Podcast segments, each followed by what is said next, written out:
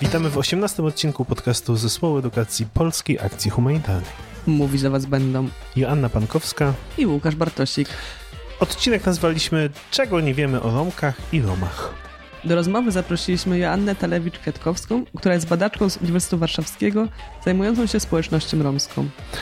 Zapytaliśmy ją o to, czym charakteryzuje się ta grupa i skąd się biorą stereotypy na jej temat. Zaczynamy! Muszę przyznać, że jak przygotowywałam się do tego odcinka i do tego, o co spytamy naszą gościnę, to odkryłam trochę z przerażeniem, że moja wiedza o społeczności romskiej jest bardzo niewielka i tak naprawdę świadomość tego już mi towarzyszyła od jakiegoś czasu i też stąd między innymi motywacja do tego, żeby ten odcinek nagrać, ale no zdałam sobie sprawę, że poziom mojej niewiedzy jest jeszcze większy niż, niż myślałam. Też tak masz? No to będzie szansa na to, żeby dzisiaj wyrównać ten poziom wiedzy, bo faktycznie moje wyobrażenie sięga różnych ułamkowych sytuacji i opowieści z czasów dzieciństwa, które ukształtowały moje wyobrażenie. Sam niewiele miałem kontaktu z tą społecznością, ale na pewno w takim wyobrażeniu kulturowym i wyobrażeniu opowieści starszych osób o jakichś historiach ta społeczność się pojawiała, więc tym bardziej jestem ciekawy naszej dzisiejszej rozmowy, która będzie też edukacyjna pewnie dla nas. Jakbyśmy mogli Cię prosić, żebyśmy rozpoczęli od tego, żebyś się przedstawiła i powiedziała to, co chcesz o sobie naszym słuchaczom, słuchaczkom. Ja się nazywam Joanna Talewicz-Kwiatkowska. Tematem związanym ze społecznością romską zajmuję się od prawie dwóch dekad. Jakieś 16 czy 17 lat, a może i dłużej. Zajmuję się nim zarówno w takim kontekście naukowo-badawczym, ponieważ pracuję na uniwersytecie. Przez kilkanaście lat byłam związana z Uniwersytetem Jagiellońskim, Instytutem Studiów Międzykulturowych. Teraz jestem związana z Instytutem Etnologii i Antropologii Kulturowej na Uniwersytecie Warszawskim. Więc ten temat z takiego naukowego punktu widzenia też bardzo, bardzo mnie interesuje i tak go zgłębiam. Ale też jestem działaczką, aktywistką od kilkunastu również lat związana z organizacjami pozarządowymi, które zajmują się i podejmują tematykę praw człowieka, praw mniejszości, w tym praw mniejszości romskiej. Od 2012 roku jestem prezeską organizacji pozarządowej, którą współzałożyłam razem z Małgorzatą Kołaczek i jest to fundacja w stronę dialogu. I tutaj ten temat także podejmujemy w takim aspekcie edukacyjnym, wspieramy różne grupy, edukujemy o społeczności romskiej. I takim myślę, że bardzo, bardzo ważnym aspektem mojego działania, jeżeli chodzi o taki obszar tematyczny, jest temat związany z zagładą Romów i pamięcią o zagładzie Romów. Także to takie główne obszary moich działań, jeżeli chodzi o Romów. To jest też twój główny naukowy obszar, w sensie kwestia zagłady Romów? Czy badasz teraźniejszość także? Przez bardzo długi okres zajmowałam się także tym tematem naukowo. I myślę, że on jakoś chyba już pozostanie w takim moim obszarze zainteresowań, także badawczych. Natomiast w ostatnim czasie nie ukrywam, że coraz częściej patrzę w przyszłość. Stąd też ten temat związany z aktualną sytuacją i to pod względem takim kulturowym i tożsamościowym, bo przecież zmiany wszelakie dotyczą także różnych grup mniejszościowych, w tym Romów, ale też interesuje mnie sytuacja społeczna. No i tutaj trudno nie wspomnieć o, o, różnych zagrożeniach związanych ze wzrostem ksenofobii, czy różnymi zagrożeniami, które dotyczą praw człowieka.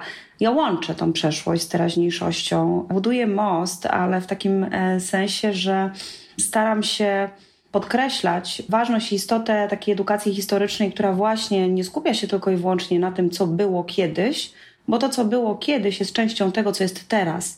Więc bardzo ważne jest dla mnie pokazywanie mechanizmów, które kiedyś doprowadzały do tragedii, po to, żeby móc się przed tym chronić, prawda? Bo ten mechanizm, mimo tego, że dzisiaj żyjemy w innych czasach, w innym świecie, w innej Polsce, nie mamy czasów wojny, ale te mechanizmy działają dokładnie, dokładnie tak samo i trzeba nauczyć się je rozpoznawać, ale też odpowiednio reagować. Ja myślę, że tej lekcji w ogóle nie odrobiliśmy. Stąd też to takie moje zainteresowanie, które, tak jak mówię, łączy przeszłość z teraźniejszością. Ona nigdy nie interesowała mnie tylko i wyłącznie, mówię o przeszłości w takim aspekcie historycznym. Prawda? Oczywiście no, trzeba znać historię, tak? Zajmując się tym tematem i naturalnie ją znam.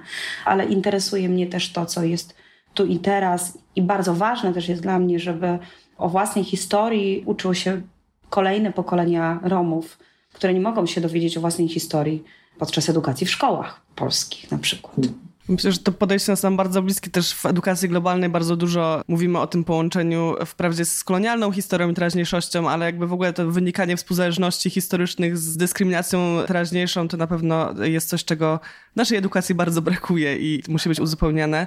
Ale myślę, że powinniśmy się cofnąć jeszcze o krok e, i spytać się o bardzo ogólnie o to w ogóle, czym jest społeczność romska, bo myślę, że my sami odkryliśmy właśnie, że nasza wiedza jest bardzo niewielka i też chcemy nie zakładać, że nasi słuchacze, słuchaczki wiedzą cokolwiek, więc wyjdźmy w ogóle takiego podstawowego, e, o kim my mówimy. No, mówimy o części naszego społeczeństwa polskiego, bo warto tutaj podkreślić e, z pełną stanowczością, że my Romowie i Romki jesteśmy obywatelami, obywatelkami państwa polskiego. Mówię o tym, bo nie zawsze te kwestie związane z podwójną, nie wiem, narodowością, czy ze złożoną narodowością, czy tożsamością są czymś oczywistym w naszym kraju, więc to nie jest kwestia wyboru, czy ja jestem Polką, czy ja jestem Romką, czy ja jestem kimkolwiek innym, bo to po prostu istnieje i w żaden sposób nie wchodzi z sobą w opozycję ani konflikt. Ale Romowie przecież nie mieszkają tylko w Polsce. Romowie nie mieszkają tylko w Europie, choć w Europie stanowią największą mniejszość, mniejszość etniczną czyli taką mniejszość, która nie posiada własnego oddzielnego państwa. Kiedyś tak było, bo Romowie wyszli z Indii. Między V a X wiekiem, właściwie nie, wie, nie wiemy z jakich powodów, nie wiemy do końca z jakiego regionu, prawdopodobnie był to północny zachód, ale, ale wciąż trwają dyskusje i trudno na to pytanie odpowiedzieć, udzielić jednoznacznej odpowiedzi. Ale Romowie tak, wyszli z Indii, rozprzestrzenili się po różnych e, państwach europejskich, podróżując przez Persję, Armenię, docierając do Bizancjum i później, i później dalej. Te migracje w okresie, w którym pojawiają się w Europie, a to były wieki temu, bo te pierwsze informacje to wiek XIV, później XV. Te wędrówki wiązały się z prześladowaniami Romów, które rozpoczęły się w Europie bardzo wcześnie, bo był to już wiek XVI. I tak też część e, Romów znalazła się w Polsce, bo było kilka fal migracyjnych do Polski. Pierwsza informacja o Romach w Polsce pochodzi z początku XV wieku. Dzisiaj Romowie są obywatelami świata, można powiedzieć, obywatelami, obywatelkami świata, bo nie żyją tylko w Europie, nie mieszkają tylko w Europie, ale, ale mieszkają na całym świecie. W 2015 roku, a później jeszcze e, w 2018 roku prowadziłam badania w Stanach Zjednoczonych, które właśnie dotyczyły migracji Romów europejskich do Stanów, szczególnie z Europy byłego bloku wschodniego, początku mhm. lat 90. W Azji też spotkałam grupy romskie, więc, więc właściwie żyją Romowie wszędzie, ale to w Europie stanowią tą największą mniejszość. Mają różny status, bo, bo status grup mniejszościowych zależy od prawodawstwa w danym państwie. W Polsce Romowie zgodnie z ustawą o mniejszościach narodowych i etnicznych i języku regionalnym są uznani jako jedna z mniejszości właśnie etnicznych. Mamy taki podział na mniejszości narodowe i na mniejszości etniczne, więc Romowie są tą mniejszością etniczną. Chyba najmniejszy odsetek Romów w tej części Europy właśnie zamieszkuje w Polskę. Obecnie mówi się, że to około 30 tysięcy osób pochodzenia romskiego, no chociaż te oficjalne statystyki mówią o liczbie kilkunastu tysięcy, prawda? Natomiast one gdzieś tam zawsze się, zawsze się różnią. Więc to około kilkudziesięciotysięczna grupa bardzo zróżnicowana, bardzo różnorodna. Mówię o tym, bo często obserwuję to i, i, widzę taką skłonność właśnie do wrzucania nas wszystkich do jednego worka. Jest to naturalne w pewnym sensie, bo skoro mało się o Romach wie, to trudno, żeby, żeby była świadomość tak ogromnej różnorodności tej społeczności. A my się bardzo między sobą różnimy pod wieloma względami. Nie wyznajemy jednej religii. Religia nie jest czymś, co nas łączy. Przyjmujemy religię krajów, w których żyjemy. Więc są wśród nas muzułmanie, katolicy, ateiści, wyznawcy i wyznawczyni religii prawosławnej, protestantyzmu i różnych e, konfesji. Więc religia nie stanowi wspólnego, wspólnego mianownika. Sytuacja społeczno-ekonomiczna bardzo zróżnicowana.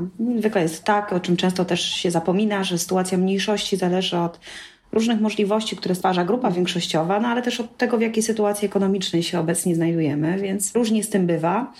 Mamy różne dialekty języka. Co prawda język romski wywodzi się z sanskrytu, jest jakaś wspólna podstawa, natomiast no, wieki egzystencji w różnych państwach powodują, że tych wpływów językowych jest cała masa, stąd też nie zawsze Romowie z różnych krajów są w stanie się porozumiewać i czasem lepszym rozwiązaniem jest wybór na przykład języka angielskiego.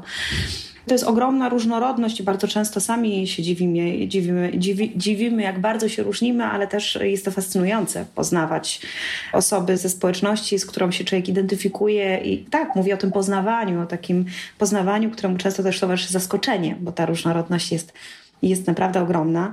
Kiedyś ktoś zadał mi pytanie, skoro w takim razie tyle rzeczy was różni, to, to co was łączy? Prawda? Można byłoby powiedzieć. No oczywiście, że to wspólne pochodzenie, ale to wspólne pochodzenie, mówimy tutaj o V, X wieku, więc tutaj chyba ta tożsamość aktualna romska się ukształtowała w Europie. Jesteśmy Europejczykami, Europejkami, ale myślę, że łączy nas, stereotyp nas połączył. E, bez względu na to, z jakiej grupy jesteśmy, z jakiego państwa jesteśmy, to gdzieś tam jesteśmy w tym, w tym jednym woreczku podpisanym albo Cyganie, albo Romowie, z całym wachlarzem różnych skojarzeń, które nas dotyczą i które się nam różne cechy, prawda, związane z tymi skojarzeniami przypisuje. I tutaj znowu pozwólcie na moment, jako przykład, znowu wrócę do tych, posłużę się przykładem, który związany jest z, z przeszłością i tymi czasami wojny i Holokaustu. Bo przecież naziści też nie rozróżniali, z jakiej grupy się wywodzimy, jaką religię wyznajemy. Dla nich byliśmy cyganami, którzy, którzy obok Żydów z powodów rasowych zostali skazani na całkowitą, na całkowitą zagładę. To były te dwie grupy, które z powodów rasowych właśnie doświadczyły tej tragicznej historii. Więc ten stereotyp to jest coś, co nas łączy, chociaż to nie do końca pozytywne skojarzenie, no ale takie są fakty i tak też uważam. Do niektórych stereotypów jeszcze pewnie wrócimy w naszej rozmowie, ale chciałabym zahaczyć o samo słowo cygan, cyganka, bo go użyłaś i myślę, że to jest coś, co w Polsce jednak jeszcze świadomość jest bardzo niewielka na temat tego, że to słowo e, jest obraźliwe, jest dyskryminujące. E, jakbyś mogła powiedzieć o tym parę słów, dlaczego, jak jest postrzegane przez społeczność, no i w ogóle o, sam, o samym słowie. Tak, no w, Polsce, prawda, to trwają dyskusje rzeczywiście, prawda, przecież dlaczego mamy nie używać e, sformułowania murzyn, murzynek bam, bo przecież był taki cudowny i pozytywny pozytywny i przecież tu nie miał żadnych złych skojarzeń. Więc to dotyczy wielu grup. I oczywiście to był sarkazm, prawda? I, i, i oczywiście wcale tak nie uważam, bo te, ta warstwa językowa ma, ma ogromny wpływ i też odzwierciedla jakiś taki porządek naszej rzeczywistości, ale też pokazuje temperatury różnych właśnie takich stereotypowych skojarzeń, które często zamieniają się przecież w uprzedzenia. Kwestia podwójnego nazewnictwa nie dotyczy tylko Romów. Dotyczy różnych grup, choćby Inuici, Eskimosi, to jeden z wielu przykładów. Ale tak, nazwa cyganie czy termin cyganie jest często używany nie tylko przez nieromów, ale także przez Romów. Mimo tego, że nie jest to nasza nazwa własna, nazwa własna i rozumiem to przez to, że nie pochodzi z języka romskiego. Nie ma takiego słowa w języku romskim. Termin cyganie został nadany Romom przez Europejczyków, kiedy krótko po tym, jak pojawili się w Europie. Były takie skojarzenia z taką heretycką sektą, która funkcjonowała w Bizancjum jeszcze długo, długo przed tym, zanim Romowie pojawili się w Europie. Atsiganoi, tak tę grupę nazywano i z nimi właśnie skojarzono Romów, którzy byli też bardzo tajemniczy, budzili bardzo różne emocje, ambiwalentne. Z jednej strony byli bardzo egzotyczni, z drugiej strony, strony byli inni, przemieszczali się i tak dalej, więc szukali swojego miejsca. Więc doszło do tych łatwych skojarzeń i stąd ta nazwa Cyganie w różnych wariantach językowych przykleiła się dosyć mocno do Romów i trzeba tutaj powiedzieć, że Romowie sami tę nazwę upowszechnili, przyczynili się do jej popularyzacji i często sami jej używają. Mimo tego, iż od e, kilku dekad e, bardzo mocno promuje się określenie Romowie, promuje się przede wszystkim w przestrzeni publicznej, promują ją romskie elity, intelektualiści intelektualistki, a ponieważ ta nazwa Cyganie niesie z sobą ogromny bagaż negatywnych skojarzeń. W języku polskim na przykład cyganić y, oznacza tyle co kłamać, prawda, oszukiwać, a cygan jest bardzo często synonimem kłamcy i oszusta prawda? Więc, więc musimy o tym pamiętać, właśnie o tym języku, jak, jak on jest szalenie ważny.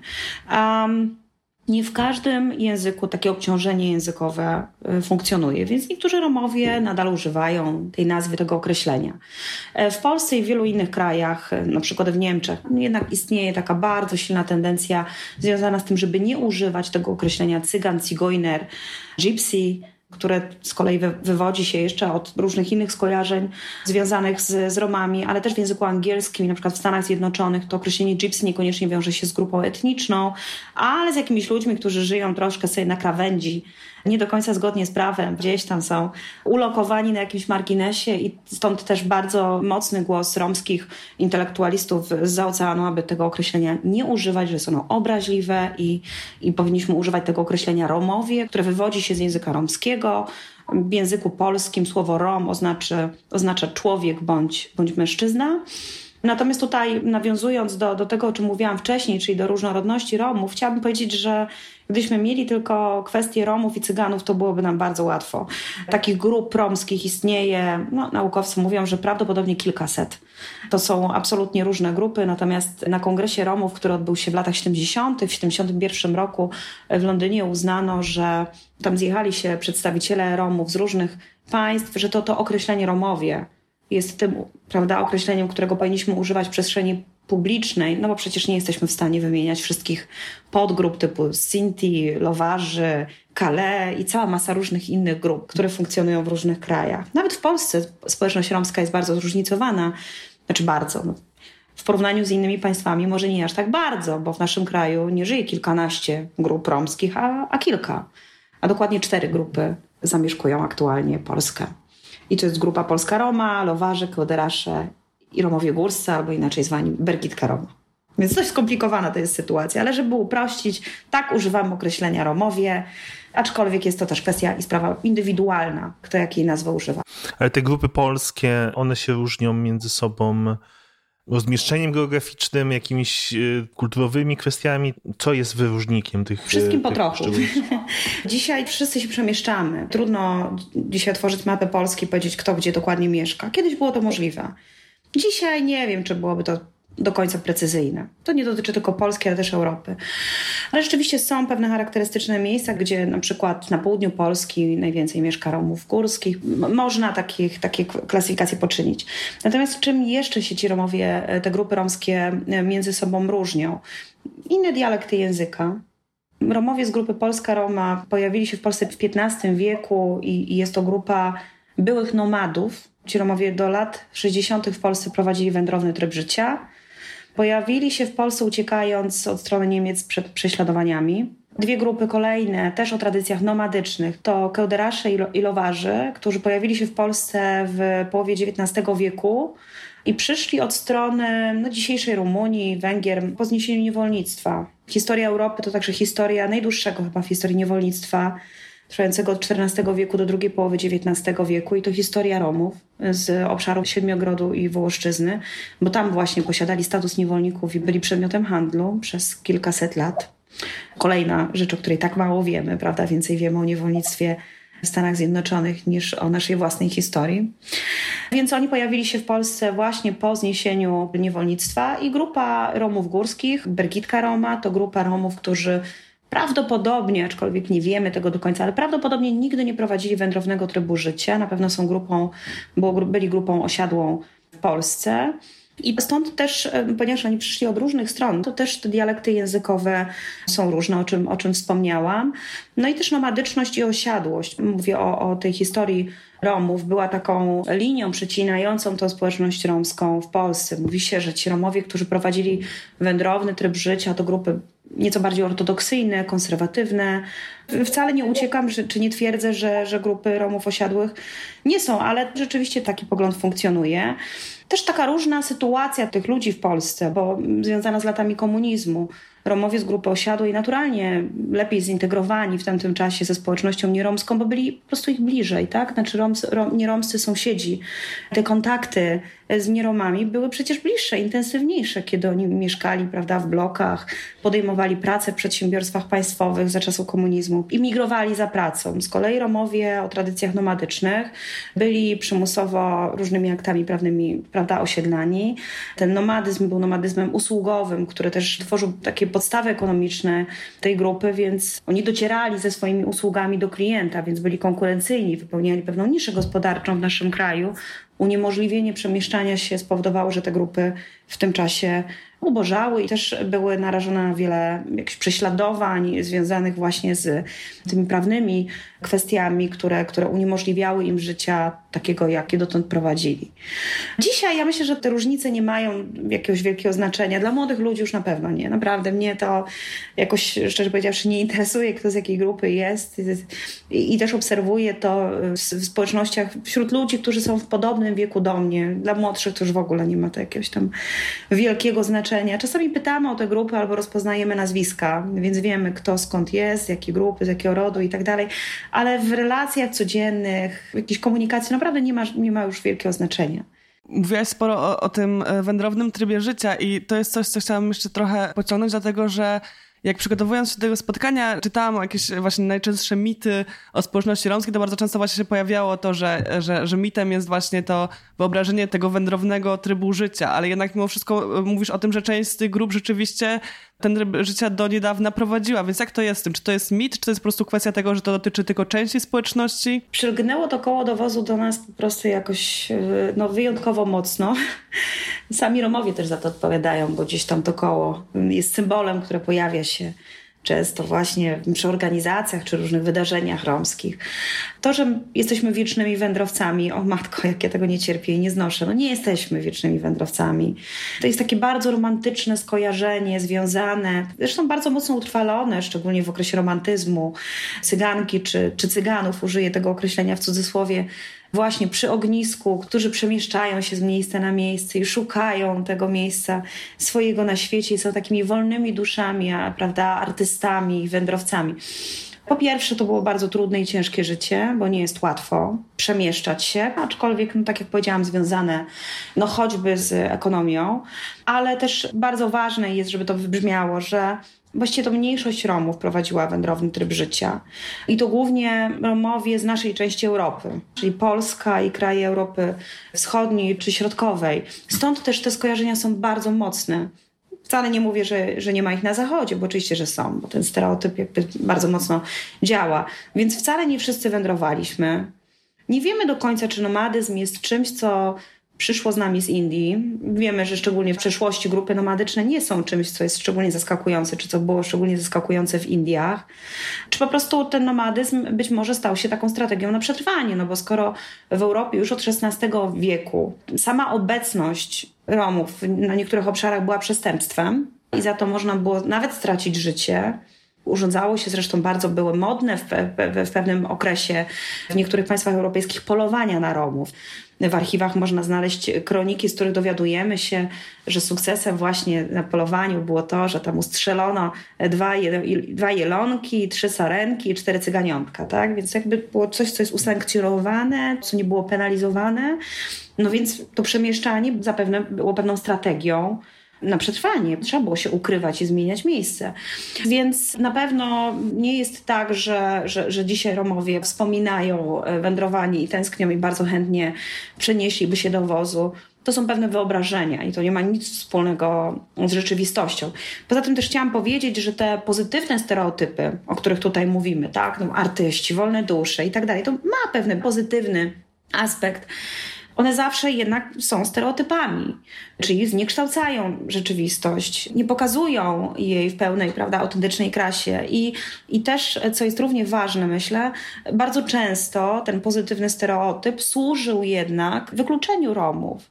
No bo kim jest taka osoba i taki obywatel, szczególnie w czasach kryzysu, no, który jest taką wolną duszą, prawda? No, skoro jest taką wolną duszą, no to na pewno nie identyfikuje się z tym państwem, w którym jest więc często mówi się, że Romowie nie są Europejczykami. Wracajcie do Indii, tam skąd przyszliście, prawda? Więc to nie macie własnego państwa. Co znaczy, że nie mamy własnego państwa? Moim państwem jest Polska. Ja się tutaj urodziłam, jestem obywatelką tego kraju, a to już moje romskie pochodzenie jakby nie ma tutaj znaczenia, jeżeli chodzi o kwestie związane z moim obywatelstwem. No poza tym taka osoba, która jest wolną taką duszą, no to jak to się ma do podatków, do pracy, do edukacji, prawda? Wiemy wszyscy, znamy wszyscy stereotypy że Romowie nie chcą się uczyć, że nie chcą pracować. No i właściwie nie wiadomo, jaki land jest ich domem. Absolutnie demontuję z pełną stanowczością. Poruszyłaś taki temat dla mnie bardzo istotny z punktu widzenia Polski, że ta kwestia Romów Cyganów w cudzysłowie jest bardzo podtrzymywana w kulturze jakby takiej popularnej. To znaczy, tak jak powiedziałaś o tym nomadyzmie, że że jest ten romantyczny wizerunek, który się wiąże oczywiście też z tymi różnymi stereotypami, no ale mamy też festiwale muzyczne, zresztą niedaleko nas tutaj odbywające się.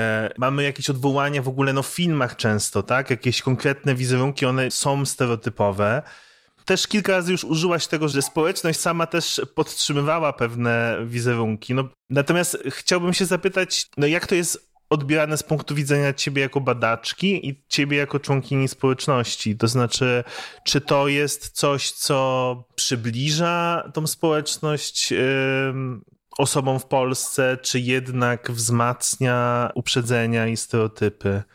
To jest absolutnie stygmatyzujące, takie postrzeganie, prawda, nas przez pryzmat festiwali romskich, nomadyzmu i tak dalej. Natomiast ja chciałabym powiedzieć, że to nie jest coś, co jest problemem Romów i Romek, czy społeczności romskiej.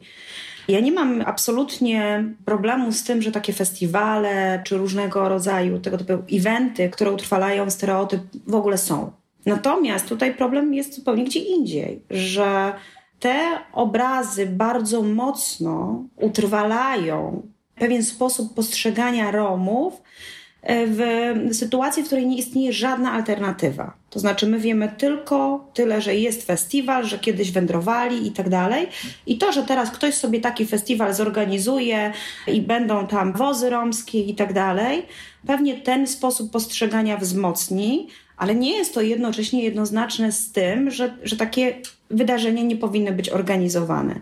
Ja bym, żeby to nie brzmiało zbyt zawile i skomplikowanie, porównała to do takiego naszego gruntu, także polskiego. Znaczy moim, naszym jest ten romski, ale też ten, ten nieromski. Więc teraz przeskoczę do tego nieromskiego świata i, i, i jako Polka myślę sobie, że okej, okay, istnieją festiwale disco polo, mamy też folklor i tak dalej, ale to nie jest powód do tego, żeby nas postrzegać tylko przez pryzmat folkloru górali podhalańskich, czy na przykład festiwali disco polo, które są znane nie tylko w Polsce. No przecież my, mówię o Was, o mnie, o wielu innych osobach, sprzeciwiamy się temu. Nie, to nie jesteśmy my.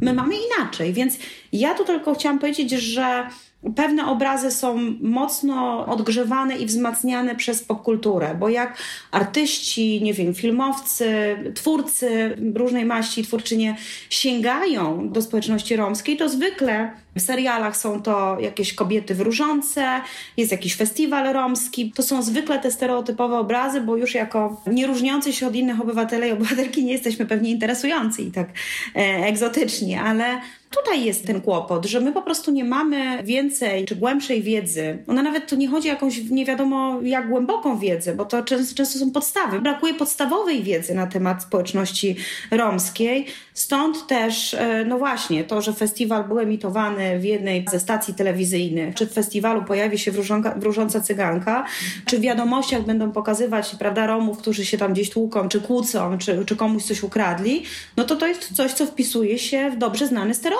który tylko przez takie właśnie treści jest odgrzewany. To oznacza, że piosenka My Cyganie jest takim w cudzysłowie murzynkiem bambo dla społeczności romskiej? No trochę, w sensie, no, że... wiesz, no, to, dziś prawdziwych cyganów już nie ma, no, kto jest prawdziwym cyganem?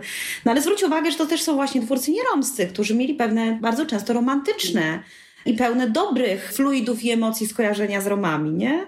No ale gdzieś tam to do nas jakoś tam się przykleiło, więc wiesz, no, na tyle mocno, że, że trudno się od tego odkleić, bo tam, gdzie są Romowie, to nieważne, czy tutaj mówimy, nie wiem, o, o Unii Europejskiej, czy mówimy o migracjach i tak dalej, no to, to gdzieś tam ten koń zawsze, zawsze miejsce na konia, na jakieś koło odwozu, no jeszcze szklanej kuli by brakowało, prawda? Więc to gdzieś funkcjonuje, istnieje i bardzo trudno się temu przeciwstawić, bo tak jak mówię, nie ma, nie ma alternatywy. I też tych stereotypowych skojarzeń jest tak dużo, że ja też prowadząc zajęcia, wykłady, warsztaty, naprawdę z różnymi grupami, bo, bo nie, pracuję nie tylko ze studentami i studentkami, ale ja pracowałam z policją, z grupą prawda, urzędników i urzędniczek, nauczyciele, nauczycielki, cała masa różnych grup. To najpierw zawsze muszę mieć gotowość w sobie, że, że, że, trzeba się zmierzyć z taką pewną falą tych właśnie romantycznych skojarzeń. To już nie mam tutaj jakiegoś wielkiego problemu z tym, ale bardzo często trzeba się zmierzyć też później z, e, ze stereotypami, uprzedzeniami, prawda? I człowiek musi tłumaczyć, że nie, to wcale nie jest tak. Pełniąc rolę bardzo często żywej, żywej tarczy.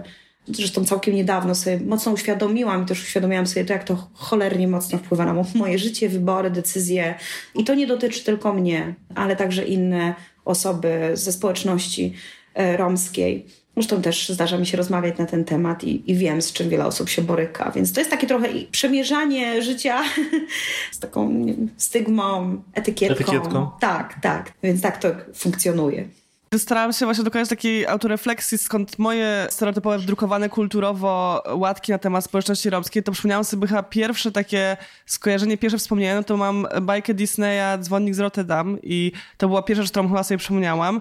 Ale druga rzecz, która mi się skojarzyła bardziej tak z teraźniejszości, no to jest, nie wiem na ile tutaj to jest jakaś jasna, jasne połączenie, ale wydaje mi się, że cała taka kultura boho, stylu jest jakimś takim trochę częścią chyba zawłaszczenia kulturowego, ale właśnie na ile to jest przykład takiego pozytywnego stereotypu i czerpania inspiracji, a na ile to jest zawłaszczenie kulturowe i krzywdzący stereotyp, bo to często jest właśnie w takim kontekście, nie wiem, właśnie ślubów, wesel w stylu boho, które niby teoretycznie są inspiracją, że to jest coś fajnego, ale jednak no, mają ze sobą jakieś stygmatyzujące też wizerunki pewnie. No mają, mają. Często się o tym mówi, e, szczególnie przy okazji Halloween, które jest u nas coraz bardziej popularne, prawda? O tych zawłaszczeniach kulturowych, tak? Przybiera się za Indiankę, Cygankę i tam różne inne grupy. I ja, ja absolutnie rozumiem to, że ta dyskusja wybrzmiewa, że, że są różne inicjatywy, które uświadamiają nam, czym jest to zawłaszczenie kulturowe. Ja osobiście też tego nie lubię. Nie lubię ludzi, którzy się przebierają wiecie, za, za Indian, Indianki, nagle się nimi stają. Ale z drugiej strony myślę sobie, że mówiłaś, wspomniałaś o tych, o tych inspiracjach właśnie choćby w przemyśle modowym, o tym takim boho stylu i tak dalej.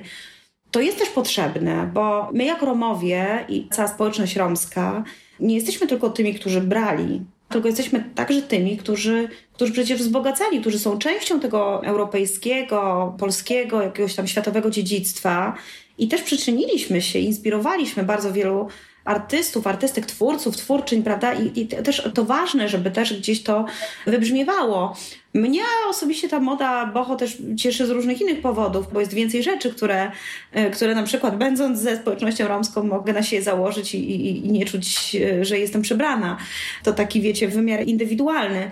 Ale tak, tych inspiracji jest bardzo dużo, natomiast no, wspomniałaś o dzwonniku z Notre Dame, ja mogę też wspomnieć, nie wiem, o Carmen. Zobacz, to, to też prawda, niesie ze sobą pewne skojarzenia, szczególnie jeżeli chodzi o kobiety romskie.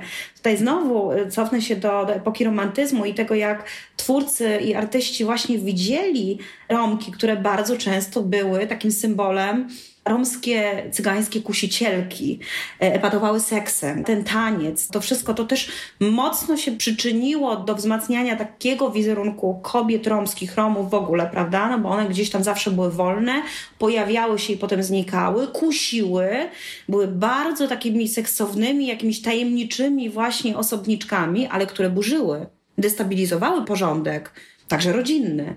I ja myślę, że to dalej gdzieś tam pokutuje i dalej ta właśnie Esmeralda, Dzwonnik z Notre Dame, Carmen, to są takie popkulturowe ikony, które przyczyniły się do ukonstytuowania pewnego wizerunku romskich społeczności. Nie tylko w Polsce, nie tylko w Europie. To chyba jest taki w ogóle wizerunek często w społecznościach przedstawionych niebiałych w, w naszej kulturze właśnie, że kobiety jako seksualizowane, mężczyźni jako niebezpieczni, prawda? Że to chyba jest niestety bardzo częsty schemat.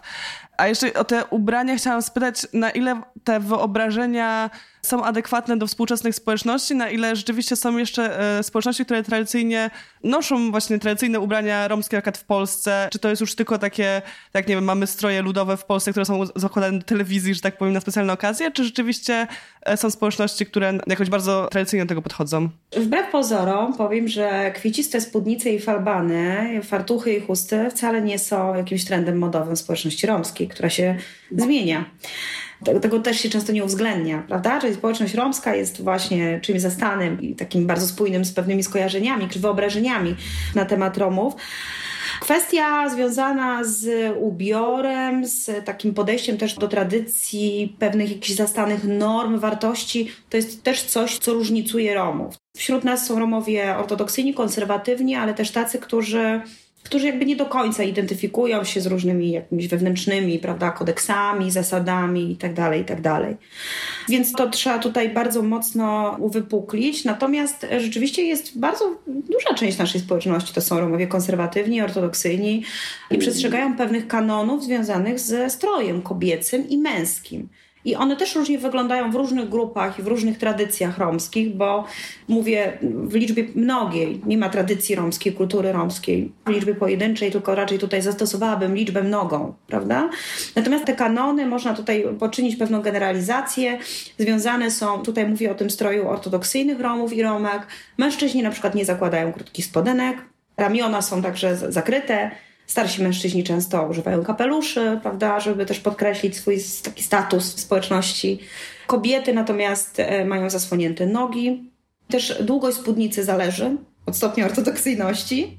Czyli na przykład często, kiedy obserwowałam spotkania różne tam międzynarodowe Romów i Romek, prawda, polskie Romki na przykład, długie spódnice, a już niemieckie Romki z różnych grup, spódniczki ołówkowe do połowy łydki i to już też było ok. Więc też są bardzo różne trendy i trzeba też e, o tym pamiętać, że moda to też jest coś, czym żyją Romowie i Romki. Można być modnym i mieć długą spódnicę, zasłonięte ramiona i nie ma w tym nic złego.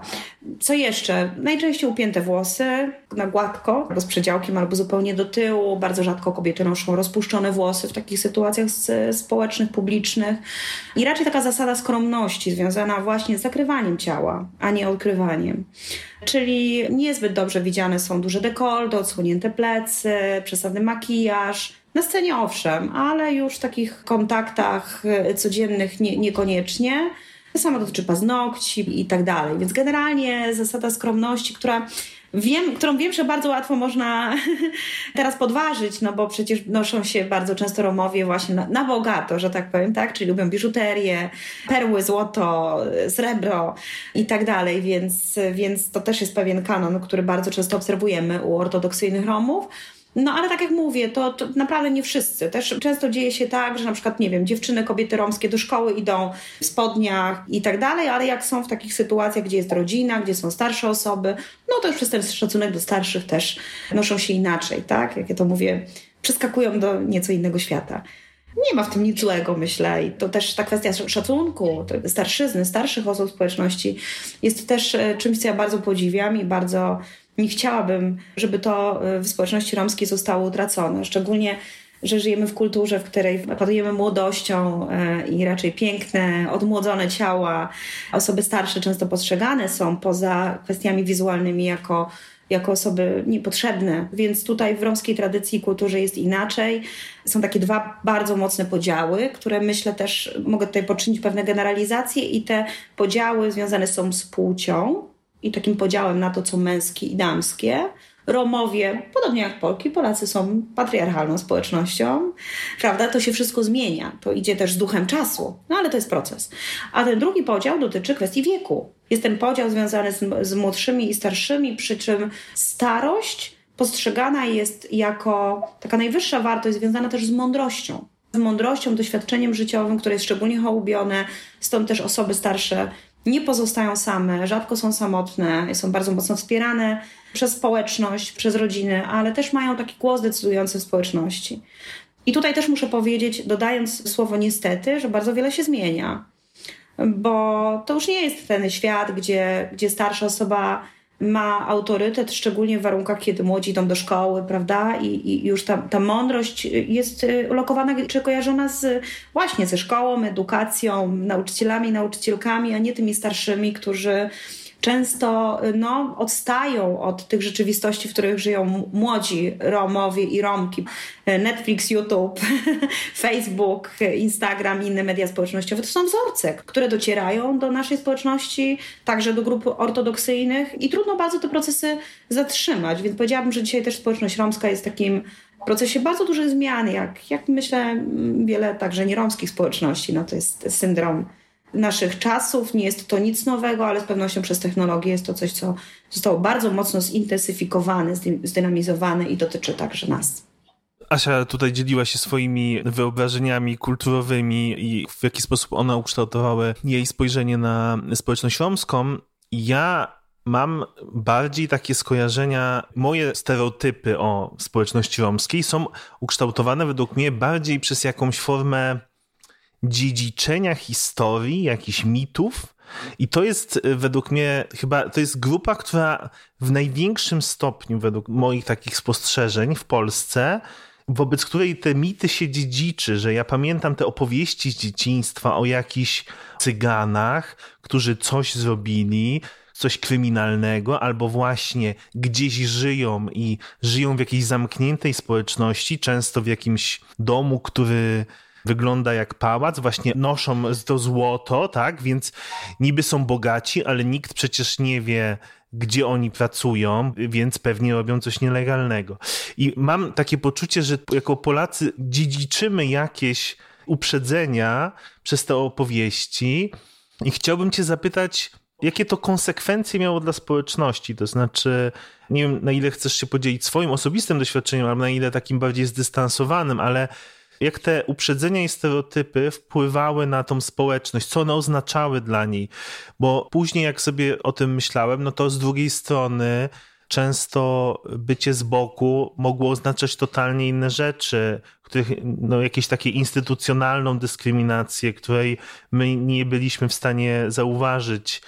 Ich sobie tłumaczyliśmy motywy w ten sposób, że właśnie, nie wiem, są leniwi, robią lewe interesy itp ale za tym stały inne procesy. Chciałbym, skorzystając z tej okazji rozmowy, zapytać Cię o, o tą perspektywę drugą. Co to de facto oznacza dla społeczności? Jak on to się przekłada na, na życie? To bardzo ważne, o czym wspominasz, bo Romowie, podobnie jak e, wiele innych grup mniejszościowych, mniejszość tutaj rozumie jako niekoniecznie grupę mniejszą liczebnie, tak, ale jako grupę słabszą z mniejszym dostępem do różnych dóbr, usług, ale też przede wszystkim z mniejszą albo praktycznie żadną możliwością wpływania na kreowanie wizerunku naszego, tak? A ten wizerunek przecież to też właśnie bardzo mocno przekłada się na to, jak funkcjonują ludzie, którzy są postrzegani jako członkowie i członkinie danej społeczności. Tutaj już wspomniałam podczas naszej rozmowy o, właśnie etykietkach, stygmatach i tak dalej i, i myślę, że tutaj e, każdy ma, każdy Rom czy, czy Romka, akurat tutaj mówimy o Polsce, myślę, mógłby się podzielić różnymi historiami na ten temat. Ja pamiętam, jak kiedyś moja studentka opowiadała mi, że w miejscowości czy wiosce, w której mieszka jej babcia do dnia dzisiejszego, zdaje się w pierwszy dzień wiosny przed domy daje się miotły jest taki przesąd, żeby odstraszyć cyganów, żeby nie przyszli, żeby nie kradli dzieci, kur i tak dalej. I to dalej jest y, praktykowane, więc no, można sobie tylko wyobrazić, w jakiej atmosferze i takim może strachu dorastają dzieciaki na przykład w takiej społeczności, które potem spotykają tą cygankę czy tego cygana, których y, prawda, się odstraszało, w, a z dzieciństwa przecież pamiętamy oj, bardzo wiele rzeczy. I one z nami są i pozostają z nami na całe życie. Czasem się bardzo chcemy ich pozbyć, a nie możemy. Myślę, że wszyscy to wiemy z autopsji, prawda? Nawet czasem terapii nie pomoże pomagają. Tak to jest, że to różne rzeczy w nas siedzą. Pamiętam też, jak spacerowałam z moim synem, jeszcze mieszkaliśmy wtedy w Krakowie, Dzisiaj syn już jest dorosły, ale wtedy był dzieckiem e, w jednym z parków krakowskich, gdzie, no to oczywiście było kilkanaście lat temu, bo mój syn jest już dorosłym człowiekiem, ale babcia, która mówi do wnuczki, czy to była mama, która mówi do córki, chodź, chodź Zosiu, bo zaraz cię cyganie ukradną, prawda? Więc to jest też taki, taki drugi przykład, więc... E, to, to ja też pamiętam. Pamiętasz, tak? Też ci mieli Mit, mit no porywania dzieci przez cyganów to tak. jest bardzo taki... Tak, tak. Mój syn mnie wtedy zapytał, czy porywam dzieci. Albo czy ktoś z naszej rodziny porywa dzieci. To trudno mi było też jemu to wtedy wytłumaczyć, prawda? No bo gdzieś tam sobie to jednak funkcjonowało i, i, i żyło własnym życiem i to nie była jedyna taka sytuacja, w której się z którą się konfrontowaliśmy. Takie postrzeganie, że Romowie są ludźmi niebezpiecznymi, o właśnie też przecież takie czytanki były kiedyś, prawda? Dzieci czytały w szkole o dobrym misiu, złym cyganie, prawda? Więc to wszystko utrwalało też e, taki wizerunek Romów e, bardzo niebezpiecznych, tacy, którzy zagrażają. No więc skoro zagrażają i są niebezpieczni, no to nie chcemy ich mieć naturalnie koło siebie, a skoro się pojawiają, to znowu, no wyobraźmy sobie, no nie, nie budujemy tych relacji jakąś taką otwartością, no bo trzeba najpierw to sprawdzić. Strach i taka niewiedza przecież jest podstawą do tego, żeby myśleć stereotypowo. Wszyscy to mamy. Wszyscy się posługujemy stereotypami w różnych momentach naszego życia. Jest to bardzo naturalne i udowodnione przez psychologów i psycholożki społeczne, że tak poznajemy rzeczywistość. Gorzej, jak to już się w uprzedzenie, jak już temu towarzyszą emocje. A tak się bardzo często z Romami dzieje, bo to nie jest tylko tak, że ja mam takie skojarzenie, ale jak obejrzę wiadomości i posłucham znowu o jakichś cyganach, którzy coś, o jakimś gangu cygańskim, no to już, aha, rzeczywiście, coś w tym jest. Jak cię okradnie Romka, mimo tego, że okradnie cię stu nieromów, to tą Romkę pamięta szczególnie, prawda? Więc to gdzieś wpływa na to, w jaki sposób wchodzimy w relacje, wpływa na to, że ten mur między Romami i Roma, nieromami jest coraz wyższy, ale bardzo często też, jakby w, mówiąc o takiej dynamice i sposobie budowania tych relacji, zapominamy o tych, którzy są po drugiej stronie. Jak te relacje budują Romowie i Romki. Znaczy, ja pamiętam, I bardzo wiele takich opinii słyszałam. Nie jestem jedyna. Bardzo mocno chciałabym to podkreślić, że trzeba przede wszystkim, wchodząc na relacje, i to szczególnie dotyczyło, dzisiaj już jestem wolna od tego myślę, ale, czy częściowo wolna, ale przede wszystkim trzeba udowodnić, że nie jesteś taka. Bardzo duży stres niejednokrotnie mi towarzyszył, jak odwiedzałam czyjeś domy, żeby nie daj Boże nic nie zginęło, że to nie ja. To samo dotyczyło środowiska szkolnego. Czyli jesteś przewrażliwiony, przewrażliwiona na to, bo, bo wiesz, jak cię postrzegają. I to samo dotyczyło też edukacji na przykład. Trzeba było troszeczkę więcej, no bo skoro nie chcemy się uczyć, jesteśmy głupi, leniwi i tak dalej, no to każde potknięcie jest gdzieś tam w jakiś sposób bardzo stresujące, tak bym powiedziała. Ja bym to ujęła w kategoriach stresu, będąc po drugiej stronie barykady. Stres, samokontrola, i takie negocjacje z samą sobą. No bo co zrobić, jak się słyszy te żarty o cyganach? Albo właśnie, ach, no wiesz, jacy są Romowie. Ty jesteś wyjątkiem od normy. Ja nie jestem żadnym wyjątkiem od normy tak? Ale też co zrobić? Jesteśmy też w różnych momentach. Dzisiaj jestem osobą już świadomą w określonym momencie mojego życia, ale dawniej, kiedy ja byłam w grupie, nie jest łatwo się sprzeciwić grupie, jak budujesz jakieś relacje, prawda? Jako nastolatka na przykład. Albo to, że na przykład, nie wiem, będę chodzić z jakimś chłopakiem i co powie, powie jego rodzina albo jego babcia, która też o Jezus, no to nic dobrego nie będzie. Zresztą mój nawet aktualny partner, dorosły facet, ja jestem dorosłą kobietą, też takie komentarze słyszał. Och, tutaj uważaj. Przechlapane i tak dalej. Ale, ale też są dużo dalej idące konsekwencje. Romowie są nadreprezentowani w szkołach specjalnych. Czyli to niezrozumienie tego, że jesteśmy, nie wiem, dwujęzyczni, dwunarodowi i tak dalej, i tak dalej, też się przekłada na na przykład pewne kwestie, nie powiedziałabym, że prawne, ale ustawodawcze, dlatego że u nas my nie jesteśmy państwem e, z jakimś, prawda, rasistowskim czy dyskryminującym prawem, ale to nie znaczy, że to się nie dzieje. Został opublikowany raport, który miałam przyjemność współkoordynować, który sfinansowała Fundacja Batorego kilka lat temu, który potwierdził te tendencje, bo bardzo dużo się mówiło o tym, że Romowie są w szkołach specjalnych, nie tylko w Polsce. To jest taki suwenir, e, który nam pozostał po komunizmie, tak? że, że bardzo jest dużo dzieci w szkołach specjalnych. Na Węgrzech Czechy zapłaciły tam karę do jakichś instytucji europejskich, na Słowacji też jest ten kłopot, no ale w Polsce no tylko mówiliśmy, że są te dzieci w tej szkole specjalnej, nie mówiliśmy o liczbach, no bo zawsze się zasłaniamy tym, że Romów mamy mniej w Polsce niż na przykład w Rumunii, w Bułgarii, gdzie według nieoficjalnych statystyk żyje ich 2 miliony. Więc postanowiliśmy się temu przyjrzeć i to zbadać. I rzeczywiście działał tutaj bardzo prosty me mechanizm i dalej niestety działa, ale jest większa świadomość już na szczęście e, w tej kwestii, że takie romskie dziecko idzie do, do, do szkoły. E, językiem pierwszym w domu jest język romski, a nie polski, co nie znaczy, że dzieci romskie po polsku nie mówią. Mówią, owszem, ale czasem zdarza się, że mówią nieco gorzej, na niższym poziomie, mają po prostu węższy zasób słów. Więc kierowane są do poradni psychologiczno-pedagogicznej. Tam rozwiązują testy na, żeby zbadać ich kompetencje e, intelektualne, tak zwane testy na inteligencję. Czyli jakby niekoniecznie znają polskie bajki, które się dzieci w domach polskich słyszą, czyli mówię tutaj o takiej jednak braku wrażliwości kulturowej, ale drugim poważnym kłopotem jest też to, że te kompetencje oceniane są przez pryzmat języka. Czyli dzieci dostają mniej punktów, wiedzą czym się różni koń od, ko od kota. Ja bardzo upraszczam tutaj, podaję przykład, który nie istnieje, tak? Czy koło od kwadratu, ale opowiedzą o tym używając mniej bogatego słownictwa niż, niż ich nieraz rówieśnicy i rówieśniczki. Więc na tej podstawie dziecko kierowane jest do szkoły specjalnej. Rodzice, którzy są świadomi, okej, okay, nie wyrażą zgody, nie podpiszą tego dokumentu bo są świadomi, że język nie jest czymś, co mierzy nasze kompetencje intelektualne. Gdyby tak było, to cała masa Polek i Polaków i polskich dzieci byłaby w szkołach specjalnych na Wyspach Brytyjskich, prawda? No bo przecież wyobraźmy sobie, i w innych państwach również, gdzie Polacy lubią czy migrują e, często. Ale rodzic, który nie ma takiej świadomości, który sam często nie jest wykształcony i wyedukowany, no po prostu podpisze taki papier, no bo nie zdaje sobie często sprawy.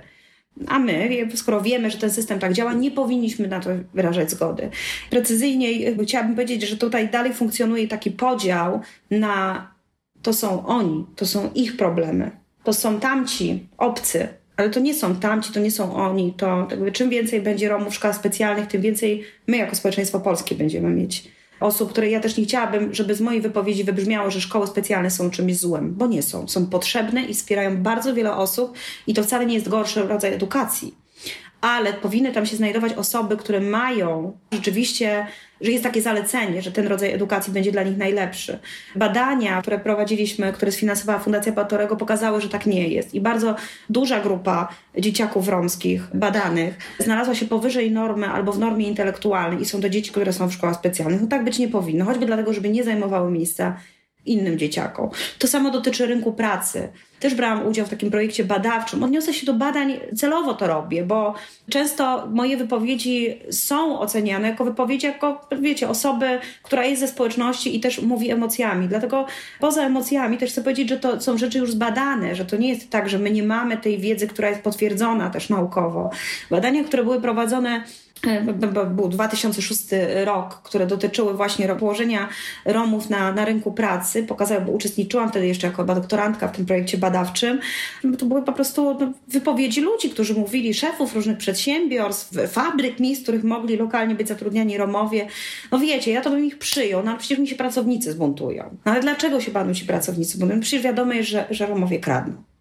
Na południu Polski dalej mamy miejsca, w których żyją ludzie na granicy ubóstwa i, i którzy żyją bez dostępu do podstawowych usług. To, to, są to miejsca, które zamieszkiwane są przez osoby w przeważającej liczbie bezrobotne, więc też takim młodym ludziom też bardzo ciężko wyrwać się z takiego środowiska i przez edukację czy pracę rozpocząć inne życie, bo są postrzegani przez pryzmat grupy, z którą się identyfikują. I to są realne opowieści od ludzi, z którymi rozmawiam, którzy mówią, no, ma praktykę załatwioną, ale jak się okazuje, że to jest ten adres, a wiadomo, że pod tym adresem mieszka większa grupa Romów, no to wiadomo, że, że już tej praktyki nie ma, że jest telefon, wszystko jest załatwione, po czym osoba do, do, do, dosyła dokumenty, jest ten adres, już nie ma praktyki. Wiele takich historii słyszałam, nie ma pracy w momencie, jak się osoba pojawia już, prawda? Jest praca recepcjonistki w hotelu, wszystko, prawda, na poziomie dokumentów jest ok, pojawia się taka osoba, już tej pracy nie ma. Jest bardzo wiele też rzeczy, czy tak, przepraszam, sytuacji, o których też słyszeliśmy w mediach, prawda? Nie wiem, pani doktor, która nie chciała przyjąć do gabinetu osób pochodzenia romskiego, ale też kwestie zbiorowej odpowiedzialności, tak? Jak niedawno, nie będę wymieniać miejscowości, chciałabym przypominać tej sytuacji, ale to jest sytuacja z, z, sprzed kilku miesięcy. Wydarzył się wypadek, w którym uczestniczył Rom. Ta osoba zbiegła z miejsca wypadku i osoby, które żyją w tym mieście, były pełne strachu, że jakby co się wydarzy. Ja mówię, dlaczego ty się boisz? I wtedy moja znajoma powiedziała mi, moja koleżanka powiedziała mi, słuchaj, to jest jak w Mławie. W Mławie był pogrom na początku lat 90.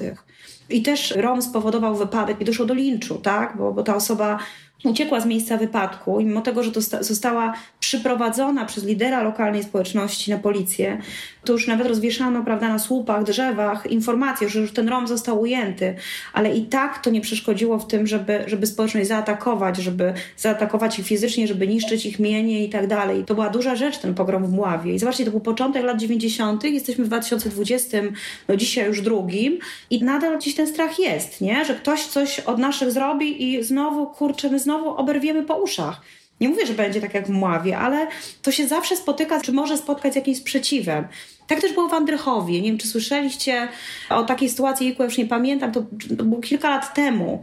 Nie pamiętam roku, żeby nie chciałabym nic teraz pomylić, pomieszać, ale też doszło do jakiegoś konfliktu, tam zdaje się między dziećmi, jakiś rower, ktoś komuś coś, nie wiem, czy ukradł, czy doszło do jakiegoś, jakiegoś tam jakiejś szarpaniny między dziećmi.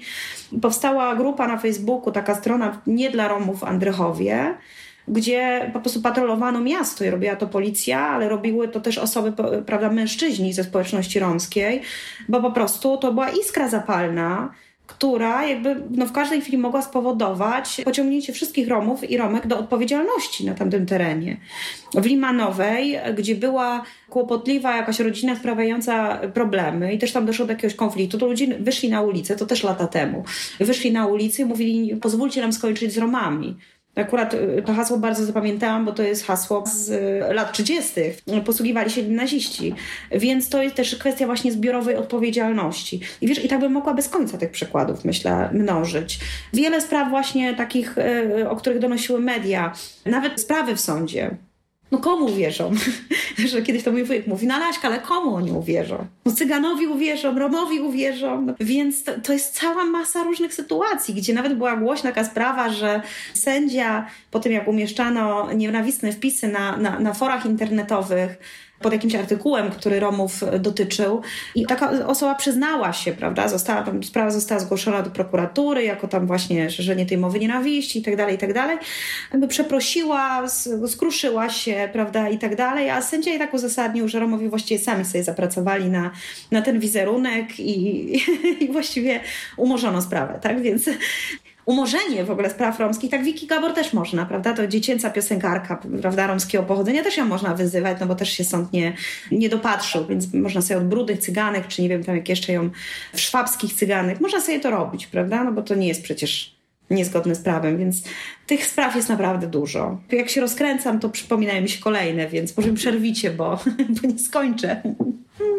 Także to ma ogromny, ogromny wpływ na, na życie Romów i Romek w bardzo wielu wymiarach naszego funkcjonowania psychologicznym właśnie i, i każdym ekonomicznym, edukacyjnym, prawnym, ale dwa, to, to, to bardzo też nie sprzyja budowaniu relacji. Cały czas mówimy, żyjemy obok siebie nie z sobą często, niestety.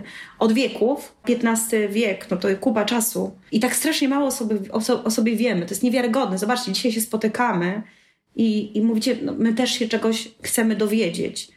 Ja tutaj chcę zauważyć jakby dwie rzeczy, tak? Znaczy, wciąż nie wiemy, ja to nagminnie po prostu słyszę, ale z drugiej strony też widzę inną tendencję, że ludzie chcą, tak jak wy.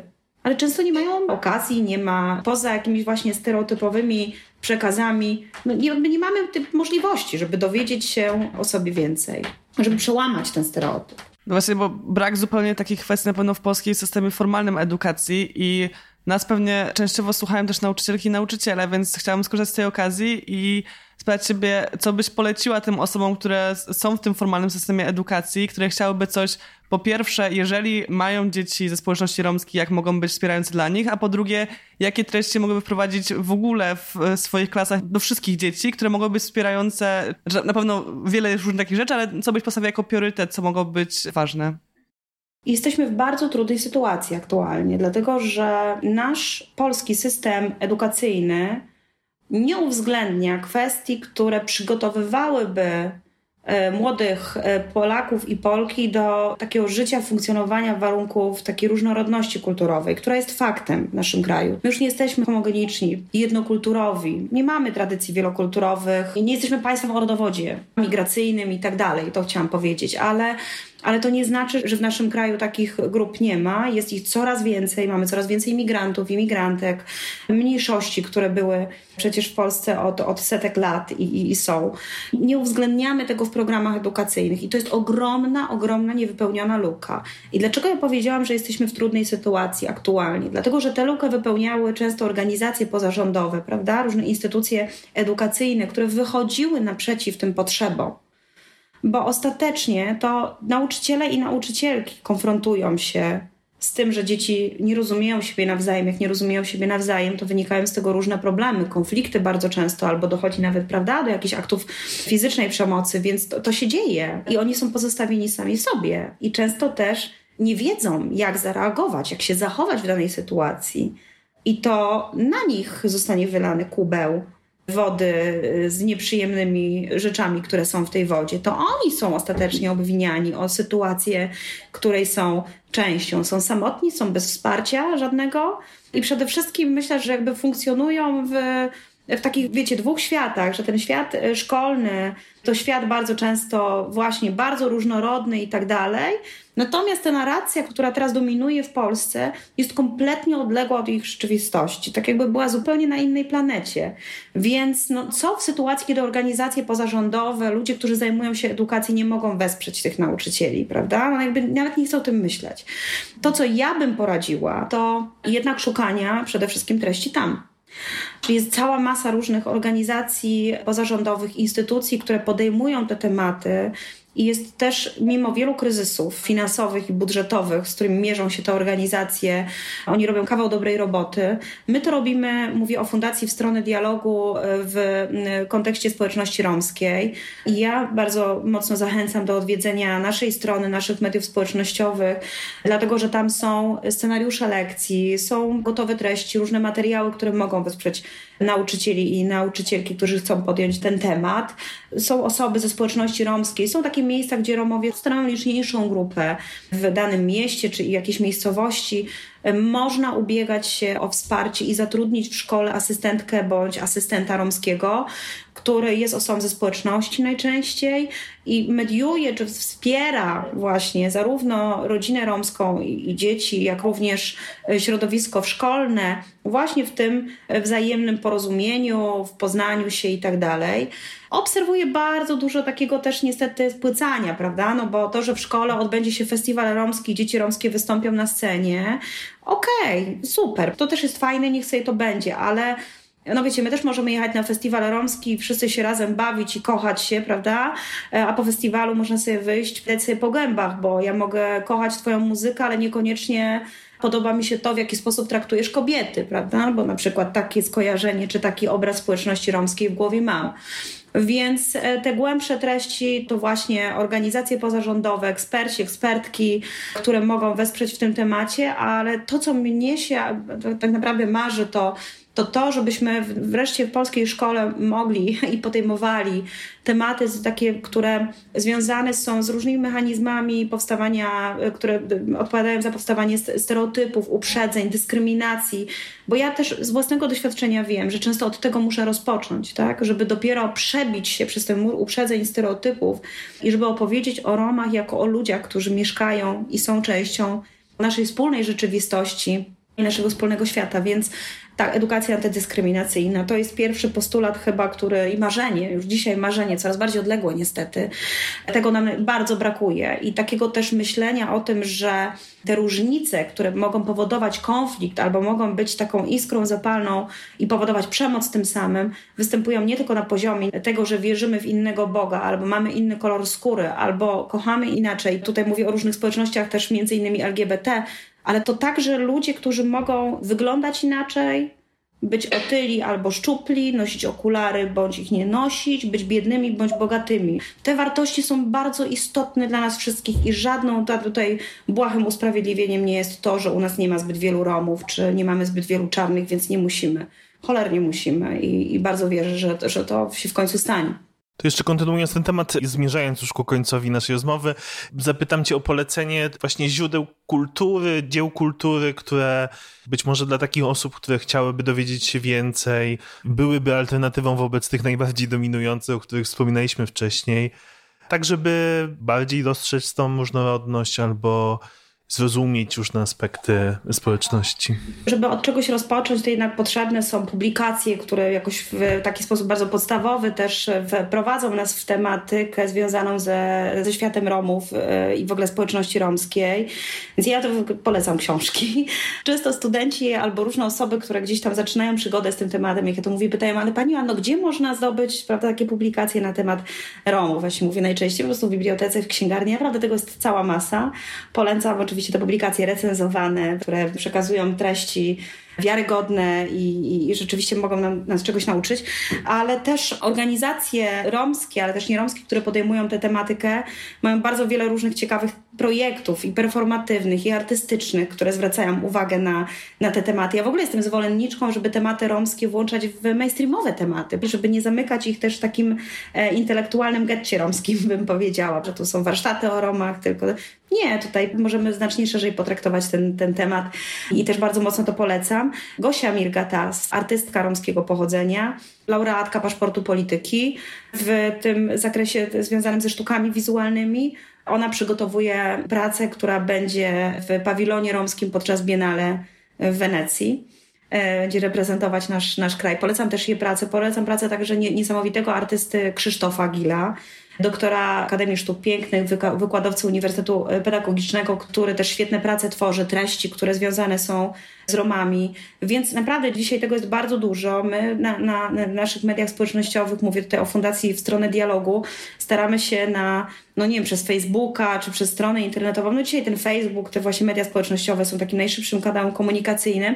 Staramy się mówić jak najwięcej, co gdzie się dzieje. Czasem to jest mural, czasami to jest jakiś performance, czasami to jest jakaś, e, prawda, sztuka, czasami to jest wystawa różnych romskich artystów, występ e, artystki. Bogusia Delibata też fantastyczne e, rzeczy robi z artystką, tancerką. Mówimy o tym, bo to jest często okazja do tego, aby zorganizować jakieś warsztaty, wykłady o Romach i tak dalej. I to też są często właśnie te okazje, z których warto, warto korzystać, a jak jeszcze włączamy to w jakieś takie, wiecie, szersze inicjatywy, typu, nie wiem, na przykład podczas Festiwalu Kultury Żydowskiej w Krakowie, bardzo popularnym, mającym rzesze fanów i fany, którzy odwiedzają w tym czasie Kraków, kiedy włączane są te tematy, mamy większą szansę do tego, żeby zainteresować nie tylko tych zainteresowanych, ale zainspirować tych, którzy jeszcze o nas nic nie wiedzą, a mogą się czegoś dowiedzieć. Więc Polecam śledzenie właśnie różnych inicjatyw w internecie, polecam nasze, a także innych organizacji, media społecznościowe, no bo to jest takie też kalendarium tego, co, co się dzieje, co może być ciekawe, co jest, co jest w moim mieście i tak dalej. Liczę, że będzie więcej produkcji, filmów, programów, które będą odczarowywały ten stereotypowy wizerunek Romów, bo to ma moc, to ma naprawdę, to ma tak niezwykłą, książki książkami, prawda, one są bardzo ważne i to nie, nie ulega żadnej wątpliwości, ale jak to jest jakiś film, jakiś serial i tak dalej, to to ma taką moc, może poczynić tyle zmiany i tyle pokazać, że ja też chciałabym, żeby także takich treści popkulturowych, ale wartościowych było więcej.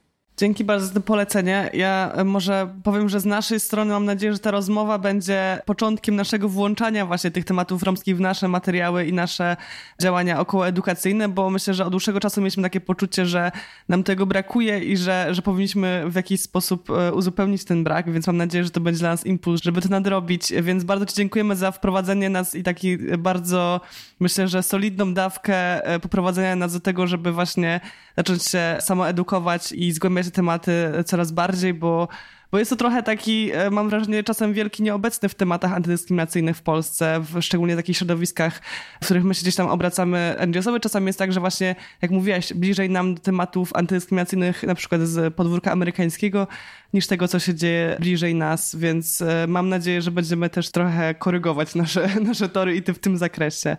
Dzięki bardzo za rozmowę.